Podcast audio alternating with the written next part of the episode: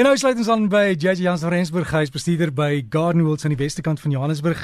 Hallo JJ. Môre môre môre. Ek het vir jou 'n e-pos gestuur. Iemand het gesê hulle het uh, varkore gehad wat van kleur was, wat hulle toe uitgeplant het en dit het opkom toe dit wit. Wel, dit is nog 'n interessante ene daai. Ehm um, oor die algemeen ja, varkore kan van kleur verander. Of hulle nou wit gaan word op 'n einde van die dag, dis nou heel interessant want nee, gewoonlik word dit weer 'n ligte geel of iets van daai aard. Dit wat weer terugslaan na die gekleurde varkore toe.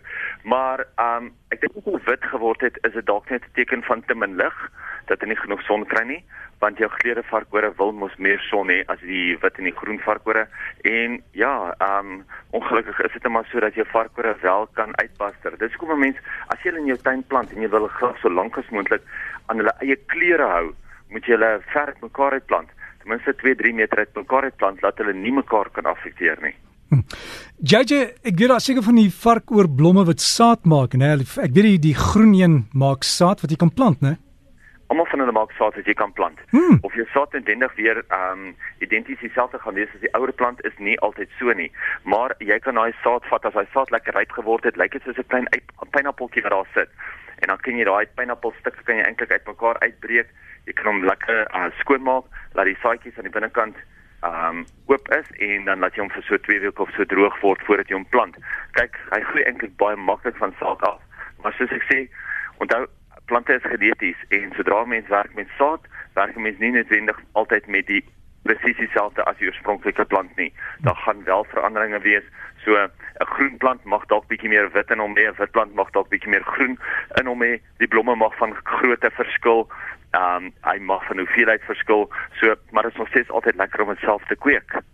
JJ Lenet vra wanneer jy weet dit gaan die volgende dag warm wees en jy die weervoorspelling op RSG gehoor. Wanneer moet jy nat spuit in die aand of vroeg in die oggend?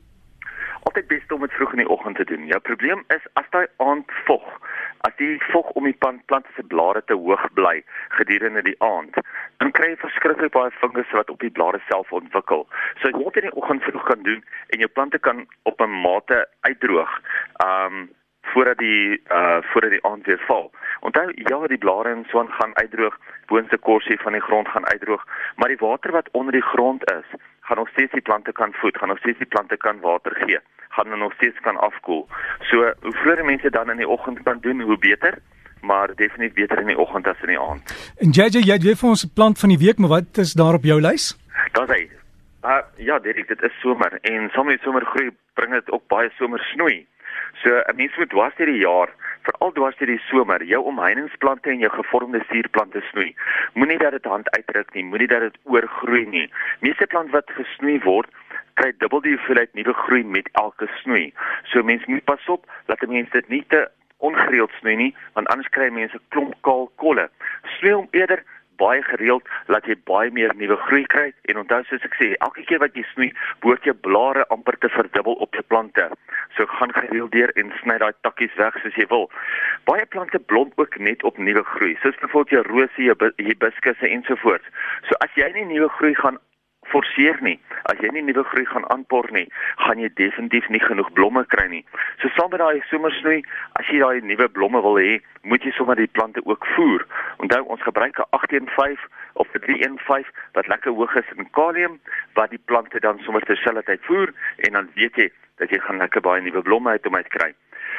Ek het nou hierdie week met iemand gepraat oor plante wat sy onder bome wil plant, sy sukkel geweldig met die wortelspasie. Daar is die die die die bome is die sterker plant. So die bome het die sterker krag.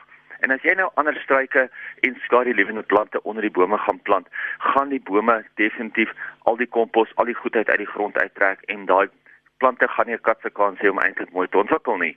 So wat ek sal sal voorstel is plant se plante in 'n groterige plastiese pot en sak daai pot tussen die wortels van die plante in tussen die wortels van die bome in in die grond in. Dan weet jy dat jou plante het 'n regverdige kans om wel ook daar te kan ontwikkel.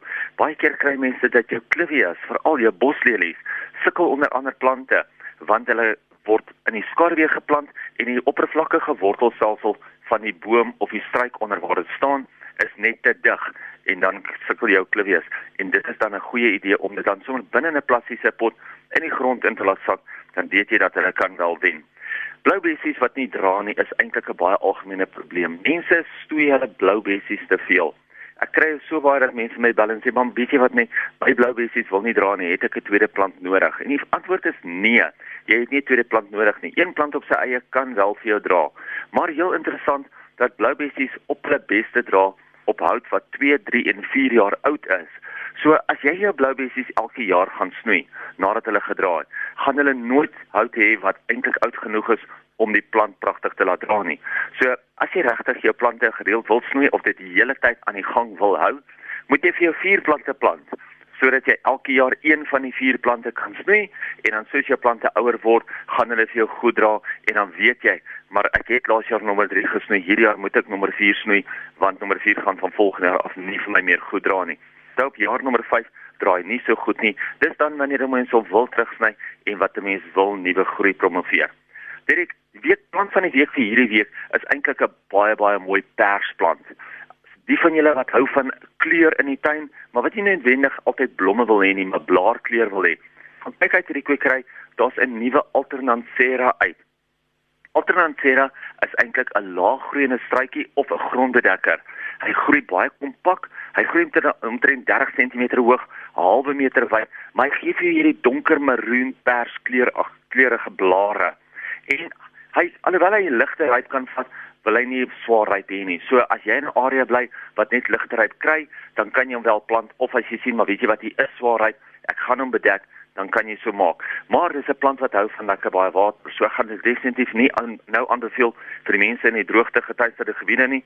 Ek sien hulle praat van al hoe meer en meer plekke wat droër word.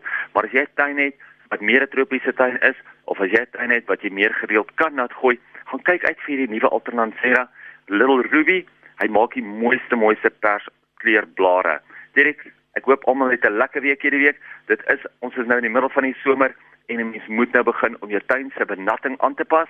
Maak seker dat jy nou jou plante genoeg water gee, maar moet hulle nie oorbenat nie. Onthou, as jy al jou plante te veel water gaan gee, gaan hulle nie goeie sterk wortelstelsels ontwikkel nie. Probeer eerder om minder gereeld meer op 'n slag te gee, dieper te benat dan weet jy jou plante gaan sterk wortelstelsels maak. So maklik is dit Jason baie dankie vir daai inligting oor die plant. Ek het hom gekry. Ek sal dit ook op die Breakfast Facebook bladsy plaas met die foto. Dis baie mooi foto's. Okay. En dan kan jy gaan vra by die kwekery. Mooi bly. So gesels Jason Jansen van Rensburg van Gardenwold en sy e-pos is jj by gardenwold.co.za. So jj by gardenwold.co.za.